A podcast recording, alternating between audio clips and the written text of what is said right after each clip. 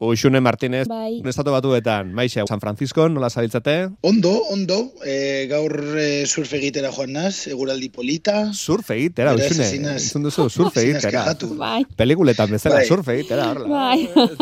Ba- baina hemen gogura ez dakizu ze hotz dagoen, eh? Euskal Herrian baino asko behotzago. Bai, eh? Benetan, bai, Bai. eh? Bai, bai, bai. Ni Kaliforniara etorri baino lehen pentsatzen nuen dana zela holan palmerekaz eta Bai. bero dana, ez, ez, ez. Ura hotza. Claro, hemen Pazifikoa daukagu Bai. eta ura superrotz dago, bai, bai, bai. Eta ganera hemen e, triangelu bat dago, San Francisco eta Santa Cruzen artean, eta Bai. triangelu horretan gertatzen dira marrazoen erasoen euneko laro munduan, beraz imaginatu. Marrazoa. Urrotza eta gainera marrazoekin, beraz hobeto sopelanan edo... E, eneko galdera bat, ur hotza, bai, e, zeri deritzozu, hau da, zenbateko temperaturari esaten zaio hor ur hotza? E, jakin mina Tempera- besterik, ez? Ez, te, temperatura ezin dizut esan, baina esan aldizuena da, zelako neopreno erabiltzen dudan. Euskal Herrian normalean hiru bi bat erabiltzen dut, eta hemen lau hiru bat. Hau da, e, a, pff, e, asko be potoloagoa da e, hemen erabiltzen dugun neoprenoa e, Bai. Euskal Herriarekin konparatuta. Benetan Ja, ja, dagoela. benura, Bai. bai. Bai, bai, ba, e, gezurra dirudi, eh? Maixa berak esan du, pelikuletan eta zinean zenbat aldiz ikusi ote ditugun aktoreak eta Bai. ondartze eta bainu hartuz, baina hotza, eh? temperatura hotza San Francisco eta Kalifornian urak daukana. Bueno, zientzia eta pazientzia da gure atala, eta diez, zientziak aurrera pauso bat eman du buruzoil geratzearen kontra. Estatu batuetako botika agentzia nagusiak edo botiken erregularizazioa arduratzen den erakundeak baimena eman dio botika bati burusoltasunaren edo alopeziaren kontrako botika da eta kontua da e, zenbait laguni ikusi dela konturatu direla e, berriz hilea sortu zaiela edo hasi zaiela etzokaten tokian, Maixa? Bai, bai, horrela da. E, ganera FDA konertu du buru soiltasunarekin bukatzen duen medikamentu hau. FDA zer da ideia bat egin dezagun erakunde nagusi bat botikak e, Bai, bai, hemen dituena, estatu batuetan FDA da ba, medikamentuak e, onartzen duen agentzia. Vale. E, estatu batuetako medikuntza agentzia nagusia, ados. FDA esate baterako COVID aurkako e, txertoak, Txertoak. Mhm. E, onartu zituen agentzia FDA da. Ados. Beraz, agentzia berdin honek, FDAk, onartu du alopeziak buruzoiltasunarekin bukatzen duen medikamentu bat. Medikamentu hau Eli Lilly farmazeutikaren medikamentua da, eta jak e, erabiltzen da tratatzeko artitis reumatoidea.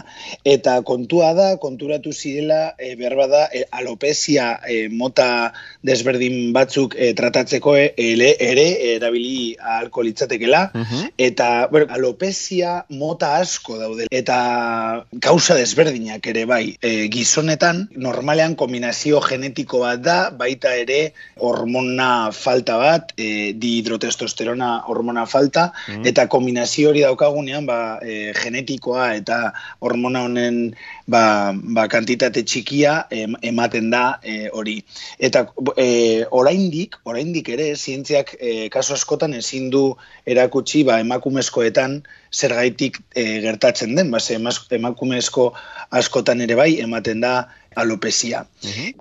Na, kausa nagusiak, bueno, asko daude, infekzioak, infekzio asko ke folikulitisak e, e, nolabait e, eragiten dute, e, sifilisak ere bai eragiten du buruzoiltasuna, gero bai medikamentu askok, ba, badakigu adibidez, ba, norbaitek e, nolabaiteko e, kimioterapia hartzen Bai. baduen, ba, hilea galduko duela, gero ere bai traumak, e, ba, esate baterako, ba, e, txikitsutan e, traumak badaukasun edo edo kolpe bat eman duzun ba justo alde horretan ez da e, hilea aterako eta abar. Eta gero ere bai daude beste kausa batzuk eta justo arlo hau garrantzitsua da, base buruzueltasun mota bat e, tratatzeko ematen du ba, medikamentu honek ba, e, oso emaitza honak e, euki dituela. Bai. Eta kasu honetan da e, gaixotasun au, e, autoimmune bat. E, alopezia mota hau deitzen da alopezia areata, eta kontua da, e, ba- badakizuz, e, inoiz ikusi dozue jendea holan hilea duena normal, Mm. baina justo e, area txiki batean ez zaio ateratzen e, e, hilea. Mhm. E, bai, eta, bueno, ba, kontua da, e, gaixotasun mota hau deitzen dela alopezia areata eta autoimmunea da. Eta, bueno, ba, bizitza aldatu dezake gaizotasun honek e, jende askori, ba, ze, larrien, kasu larrienetan esate baterako, ba, bekainetako ilea galtzen dute, e, betileak ere bai galtzen dute, eta bar. Eta orain Beraz, arte botika alopecia- honek balioko luke kasoetarako bakarrik, e, maixa? Bai, e, beste, be, e, oraindik e, euneko handienak eman dira kasu hauetan. Kasu hauetan. Baina Europa mailan laurehun mila pertsona baino gehiago daukate alopecia mota hau. Mhm. E, ego, egonaz estatistikak ikusten, herri herri aldatzen da, Espainia estatuan esate baterako, gizonezko helduen euneko berrogeia baino gehiago e, dauka alopecia, baina alopecia mota hau ezain beste logikoki. Ja. Gogora dezagun, laureun milioi eta piko garela Europako batasunean, Bai. eta laureun mila inguru daukate, edo laureun mila baino gehiago daukate alopecia e, mota hau. Alopecia hau- areata. Areata hori da, hori da, bai, bai. Beno, ba, kontua da, eh, esan bezala, eh, alopecia areata tratatzeko ez zegoela medikamenturik gaur arte. Ba, ze hau eh, eren egun onartu egin zen. Eta kontua da, esan bezala, ilearen erdian ba, e, txaplata modukoak agertzen direla, eta sistema immuneak egiten duena da, kasu honetan, hile e, folikuluak erasotu. E, gaizotasun autoimmuneak gertatzen dira, e, gure sistema immuneak pentsatzen duenean e, zerbait txarra dela, naiz eta ez izan. Eta orduan, sistema immuneak e, erasotu egiten du, e, ondo dabilen e, zerbait gure gorputzean. Kasu honetan, hile folikuluak. E, sistema, e, sistema immuniak pentsatzen du zerbait txarto dabila e, hile folikulu hoietan eta eraso egiten du. Mhm. E, normalean, e, konturatu dira, estres handia e, jasan eta gero e, ematen dela e, gaixotasun hau. Beno, ba, kontua da, FDAk, Estatu Batuetako Medikuntza Agentzia Nagusiak, e, onartu duela e, baricitinib e, medikamentua, baricitinib, e, alopecia e, mota hau e, tratatzeko, alopecia areata edo e, buruzoiltasun areata tratatzeko. Eta egiten duena da sistema immunearen erasoak blokeatzea. Dago e, proteina bat e, JAK, JAK deitzen dena, eta bueno, proteina hau e, gure zelulen barruan dago, eta bueno, ba, e, prozesu bat e, azten du proteina honek, eta egiten duena medikamentu honek da inhibitu proteina hori. Orduan, e, hile folikuluak erasotzeko e, prozesua edo prozesuaren lehenengo pausuak blokeatu egiten du medikamentu honek eta orduan ja ez da ematen e, eraso hori, e, sistema immunearen eraso hori. Por cierto, Jack proteina hau dator Janus, erromako jainkoa, bueno, erromako jainkoaren e, izen hartu zuten proteina hau e, izendatzeko Janus duelako bi aurpegi Mhm. e, proteina hau bezala. Beno, ba, kontua da beste e, farmazeutika batzuk, esate baterako Pfizer eta Concert Pharmaceutics ere bai, badaukate nola baiteko e, e, medikamentuak, o, e, antzekoak direnak, eta e, e, ere bai, erabiltzen direnak er, e, artritis reumatoidea tratatzeko, eta ideia da, e, erabiltzea ere bai, bi farmazeutika hauen medikamentuak edo testeatzea ikusteko ere bai, ba, alopecia mota hau, eta beste batzuk tratatzeko ea balio alba duten. Hemen galder da, alopecia arrunta duenak eh, zer pentsa dezakeen, ez da? E, beretzat propio sorturiko botikarik izango ten etorkizunean, alopecia orokorrean, eh? arrunta edo? Ba, karo, kontua da, alopecia arrunta ere bai, edo kausak, edo, edo zergaitiak eh, oso zabalak direla. Claro. Ez dago eh, motibo bakar bat. Gauza edo eh, nolabait zergaiti asko daude horren atzean. Esan dugu ba, e, kausa genetikoa bat dela, Bai. e, baina hoie, hoiek dira e, bakarrik e, buruzoil batzuen kasuan. Mhm. E, baina, bueno, e, bueltatuz medikamentu honetara e, oso oso galestia dela. E, oraintxe bertan tratamendua kostatzen, tratamenduak kostatzen du 2500 dolar hilero. Kontua da, orain uste dutela, ba, e, gehiago salduko dutela medikamentu hau, eta prezioak ba, behera egingo duela oferta eta demanda kontu bategatik betiko lez. Eta kontua da, e, agertu dela e, s- e, ikerlan zientifiko bat, New England Journal of Medicine, hau da medikuntzan guazen esatera, ba, nire ustez, e, publikazio edo edo ikerlan prestigiotsuenak bertan agertzen dira, oso aldizkari prestigiotsua da, eta ikertu egin dute medikamentu hau mila berreun e, pertsonekin. Eta kontua da, euneko berrogeiak, e, hogeita masei aste eta gero, berriro berreskuratu duela e, ia guztiz, ilea, euneko berrogeiak, hau oso euneko altua da. Baina urte bat eta gero, erdiak berreskuratu du bere ilea. Aha. Beraz, mila berreun pertsonetatik, mila berreun pazienteetatik, eh, alo, alopesia mota honekin, e, tratamendu honekin urte bat eta gero, zeion pertsonek lortu zuten berrero, berriro beraien ilea berreskuratzea. E, nola baiteko alde efektu batzuk badaude ere bai, adibidez e, ikusi dute ba, paziente batzuetan akne motako bat e, agertzen zela, Ja. E, baina, beno, hau, e, e, zera, ikerlan honek eta eta FDA-ak e, ba, no, e, medikamentua aprobatzeak zabaltzen duela atea estatu batuetan irureun mila e, pertsona tratatzeko eta Europan ba, laureun mila e, pertsona baino gehiago, ba, beraien ilea berreskuratzeko eta esan bezala kasu batzuetan oso larria da. Bai. Eta hau e, gaixotasuna autoimmune bat denez, kasu honetan, paziente batzuk oso oso e, gazteak dira. Esate baterako estudio honetan e, agertu da e, neska bat, e, sortzi urtetako neska bat, Bai. eta berreskuratu du ba, bere ilea eta Joder. kasu honetan bere bizitza. Beraz berri honak estatu batuetatik. E, alopezia mota zehatz bat dutenentzat da, baina bueno, ba, beraientzat eh, sekulako aldaketa da, ezta? Ila berreskuratu bali Bai. alopezia areata. Areata. Dutenentzat, Bai, horrela deitzen da gaixotasuna. Ziur nago entzuleren bat izango duela edo ezagutuko duela norbait alopecia Mota areatarekin. Beraz, berri honak. Bai, e, beste gauza bada, alopezia arrunta dutenen kasuan, ba, hoiek segurazki jarraitu beharko dute, nahi duten ebentzat, e, Turkiara joaten, hile implanteak egitera. Ez, baina, bueno, ala ere, ba, notizia oso pozgarria, eh? alopezia Bai, areata bai, bai, bai. dutenentzat.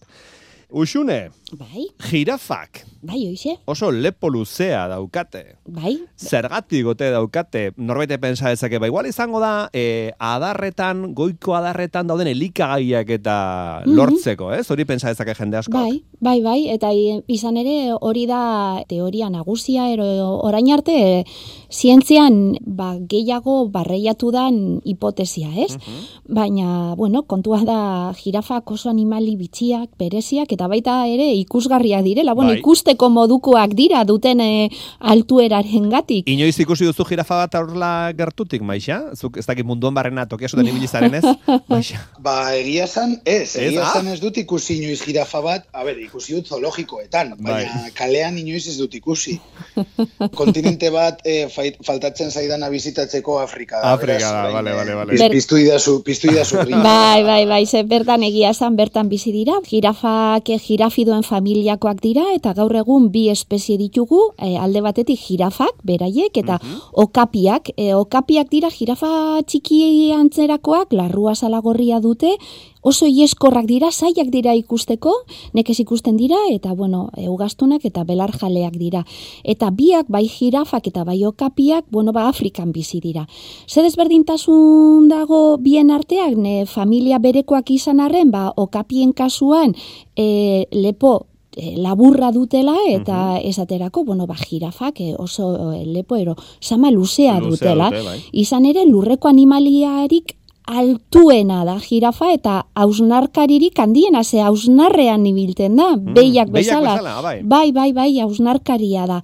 Bueno, zenbateko tamaina du, zenbat uste duzuen neurtzen duela jirafa batek esaterako? Ze, eh, altuak dira, baina zenbateko... Mm. Ze altuera. Bai, bai. Maixa, bota zenbaki bat. Zenbat Ze, eh, iru metro, i, lau. Mm, apurtxo bat gehiago. Bost. Bost, bost eta erdi. E, ar batek, ondo jandako ar batek, ero ondo elikatutako ar batek, bost metro eta erdiko altuera izan dezake. Hau da, mm, gutxi gora bera, Afrikako elefante batek iru metro pasautxo izango ditu, saskibaloiko jokalari batek, batez besteko 2,3 metroko altuera du, Bai. eta bueno, ba, ez dakit nirekin konparatuz gero, jirafa baten aurrean txindurri bate bezalakoa naiz. Bai, Beraz. Beraz, Bueno. esan duzu jirafa eme batek bost metro terdi. Ar batek, ar, Barkatu, ar ar, batek. ar batek, ondo jandak, ondo elikatutako ar batek, e, bost metro eta erdiko Vale. altuera izan aldu. Vale. Eta bueno, zein da beraien bere izgarri bat, ba, lepo edo sama luzea dutela, ez? Bueno, e, jirafak hain sama luzea dute, baina gainontzeko ugastunek bezalako lepoen egitura dute. Hau da, zazpi hornoz osatuta dago, ez, da, ez dezagun pentsatu besteak baino zerbait desberdina dutela, eta zer da desberdintasuna, ba, horno hoiek askoz ere luzeagoak direla, eta euren arteko e, loturak ero artikulazioak malguagoak direla, ba, e, lepo e, luze hori mugitzeko eta alde batetik bestera eta ba, mugitzeko eta ba, e, hori ez erabiltzeko. Orain arte pentsatu izan dute ero behintzat teoria nagusia izan da jirafek eh, hain lepo luzea izan dutela, ba, egokitzapen evolutibo batengatik, ez? Hau da, Darwinen eh, espezien hautespena, ero evoluzioaren teoria bete-betean betetzen zutela, ez? Zaten zuten, bueno, ba, honek janariarekiko Afrikan, ba, leia zegoenez, ba, e, leia horrek bultzatuta nola baitez, ba, sama luzatu zuten, zuaitz altuetan zeuden ostoetara llegatzeko Iristeko. eta horretaz, ba, elikatzeko, Lepoa ez? luze, luze, luze, goiko ostoetara iritsi alizateko. Bai, bai, Ja. ba, beraiez esaten zuen, bueno, eta lepoa luzatu ala, horrek abantail evolutibo bat eman zien, eta aurrera egin dute. Badakizu zein den e, gure abantaila evolutiboa, izakiona, Zein da? inteligentzia, Inteligentzia. sinistuela ez. bai, bai, zio. Nabardura ondo dago, eh? Kakotzen artean bai, bai, ero, bai. ez? Beraz, pentsatu izan da hori, ez da? Bai. E, jirafek hori e, sama edo lepo luz, luze Bai. zeukatela, ba, goiko ostotera iritsi alizateko, eta horretara egokitu direla, Bai, ez? izan ere, e, jirafak gaur egun ezagutzen ditugun jirafen lehenengoko arbasoak duela em, zei bat milioi urte e, agertu ziren, ero Mhm. bintzat lehenengo astarnak duela zei bat milioi urte agertu ziren Afrikan, ez? Bueno, ba, hori pentsatzen izan dute zientzialariek Bai. orain arte, baina egia da, duela berrogeta bat urte inguru, Mhm. beste teoria desberdin bat proposatu zutela ere, ez? Teoria honek iradukitzen zuen, bueno, ba, jirafen lepoa lusatu zela, bikotea lortzeko. Hau da, badakizue, ba, taldeetan eta borrokak egoten direla e, emeak estaltzeko, ez? Eta e, nortzuk estaltzen dituzte emeak, ba, ar e, indartzuenak, ero boteretsuenak, ero garaie irtetzen direnak, ba, borroka hoietatik, ez? Orduan, e, ba, mm, esaten zuten, ez, hemen beste zerbait dago, eta uste dugu, ba, jirafek horrelako lepoa em, garatu zutela, Bai. ba, nabarmentzeko, ez? Eta horri e, esan zioten sexuaren araberako lepoen teoria. Ingelesez next for sex deitzen dena, ez? Bueno, e, eta zergatik, ba kontua da, borroka egiterakoan buruarekin talka egiten ziotela aurkariari. Ah? Hori oso ba, ezagutzen dugu adibidez beste e, animali batzuetan, ez? Bisonteetan, aharietan, auntzetan, eta Mhm. zelan burukolpeak ematen dioten elkarri e, ba, borrokan, Borrokan. eta, eh? Mhm. Bueno, ba, antza, e, jirafek eta be, horrela egiten zutela deritzo teoria honek, eta zer gertatzen da, ba, lepoa lusatu zutela buruko golpe hoiek indartsuagoak, indartsuagoak izateko, ez? Bueno, ba, teoria hori zegoen, eta kontua da duela egun batzuk zaien aldizkarian argitaratu dutela ikerketa barri baten emaitzak, eta ikerketa honek berretzi egiten duela teoria hori. Hau da, ba, e, sexuaren araberako lepoa du, dutela, ez? Bueno, zelan ondorio estatu dute hau? Ba, txinan aurkitu zituzten eh, zientzialariek duela amazazpi milioi urteko jirafa espezie primitibo bateko, baten fosilak aurkitu zituzten, txinako iparraldean. Eta horiek aztertu e, dituzte e, zerak, e, zientzialariak. Ezintzialariek. Kontua da, bueno, ba, fosiloiek direla girafoide primitibo batenak, hau da, gaurko girafen antzinako arbaso batenak. Ez arbaso zuzen zuzena, baina bai familiakoa zena.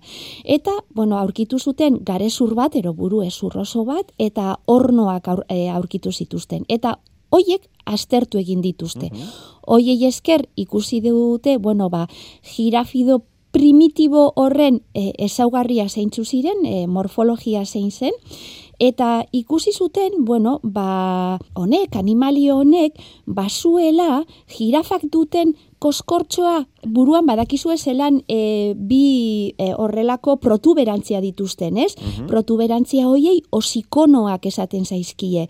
Bueno, ba, esurtxoa hoiek, adartxo hoiek esurrezkoak dira eta lu, larrua salas estalita daude, ez?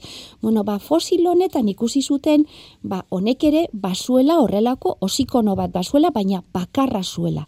Eta orduan deitu diote, espezie berri honi deitu diote Discoverix saiesi. Zer esan nahi du? Bueno, ba, Discoverix esan diote, ba, garezurrean disko antzeko bat zuelako, eta e, koroi bezalako bat, eta siesi deitu diote txinako animali mitologiko bat gogoratzen duelako, hmm. buruan adar hmm. bakarra zuena, ez? Girafa, antzinako girafa primitibo honi, Discoverix siesi deitu diote, eta ikusi dute, honek ere borrokan egiten zuela. Oso mm. buruaren ba, forma berezia zuela eta lepoarena ere ba, berezia zuela. Borroka egiten zuela besteekin, batez ere harren artean, bai. nabarmena ero boteretsua erabakitzeko zein zein eta mm-hmm. aurrera joateko. Zer egin dute? Bueno, ikusi dute fosiloneri dagokion animalia zelakoa zen, eta girafen familiako, ero girafoiden familiakoa zenez, bere as, ezurrak astertu ero erkatu egin dituzte gaur egungo jirafekin bai. eta okapiekin. Eta baita ere desagertutako jirafen beste zazpi sortzi espezie batzuekin.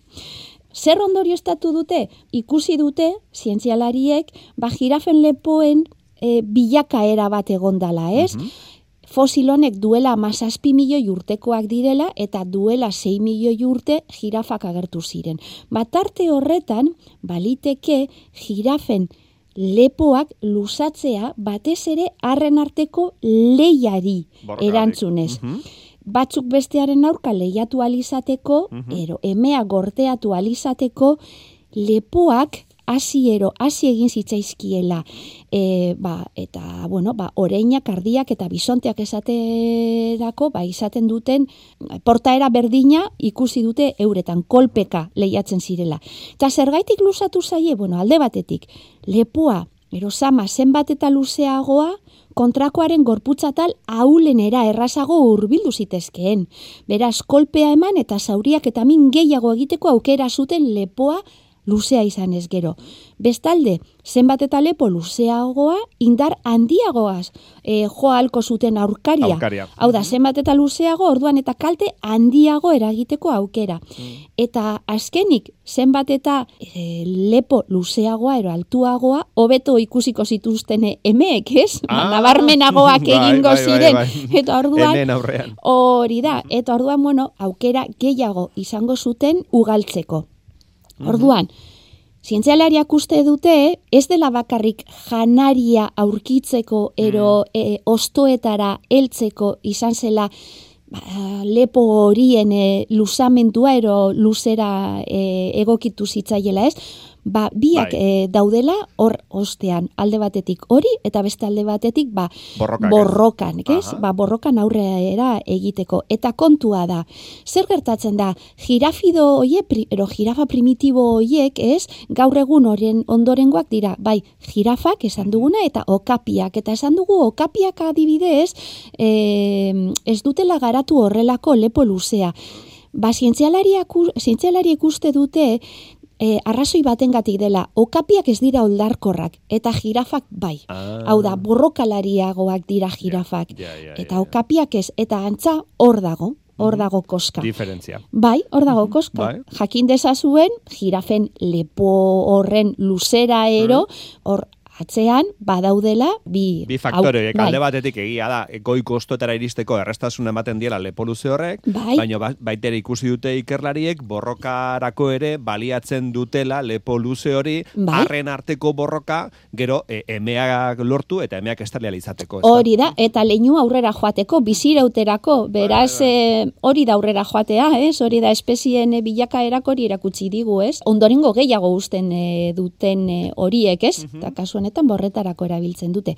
Ongi. Behar bada, entzuleren batek esango du, bueno, uxune, baina horrek aipatu dituzuna, harrak dira, hau da, Ja. esan duzu, harren arteko borroka. Borrokak. Eta jirafa emeek ere badute lepo luzea, izan ere naturak erakutsi digu badaudela desberdintasuna espezie batzuetan arren eta emeen artean. Mm. Egaztien artean esaterako emeek luma kolore e, ez dute hain dizdiratsua, Mhm. ero hain deigarria, Mm. kasu batzuetan emeak txikiagoak dira, baina kasu honetan jirafek ere badute e, lepo luzea zergatik. Bai, ere bai. Mm. Ba, zientzilarik ikuste dute badagoela ere em, arrazoi batez eta da emeek euren kumeak babesten zituztela Mm. arraparien eh, aurrean eta arraparien kontra egiteko ba, baita ere burua erabiltzen zutela Ah, babesteko. ba, babesteko eta Berain ba, kume babesteko. tope egiteko eta beraz hori dela eta bueno, e, beraiek ere sama luze, Luzea lepo daukate, luze dute. eh? Bai, bueno. Bai, Eh, bai.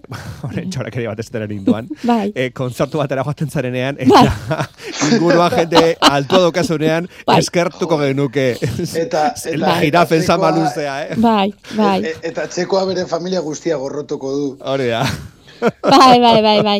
Benetan, aukera badaukazue irakurri jirafei buruz ze oso oso bitxiak dira eta gogoan izan ausnarkariak direla, Mhm. Bai, beraz, Behiak bezala, eh? Bai, baina gertatzen dena da janari hartzen dutela, barneratzen dutela eta gero janari hori errekuperatu egiten dutela eta berriz ahora, ahora eraman, ez? Eta orduan hor ibilbide horretan gora eramateko metroak eraman behar dituzte gora, eh? Janaria igo egin behar dute eta oso Hortik ere atera genezakegu lezioa, eh? E, Bai. Zera, hausnarkarien, e, zera, e, oiturak ikusita, ze, askotan azkarregi jaten dugu, ongi Bai. murtxikatu gabe, eh? hori da, Bai, bai. hori da, Bueno. eta oso bereziak dira bai. Ba, gaur, e, alopezia eta jirafak. e, maixa usune, eneko usune, aste hona pasabikote. Berdin, London Daily. Agur, agur. Agur.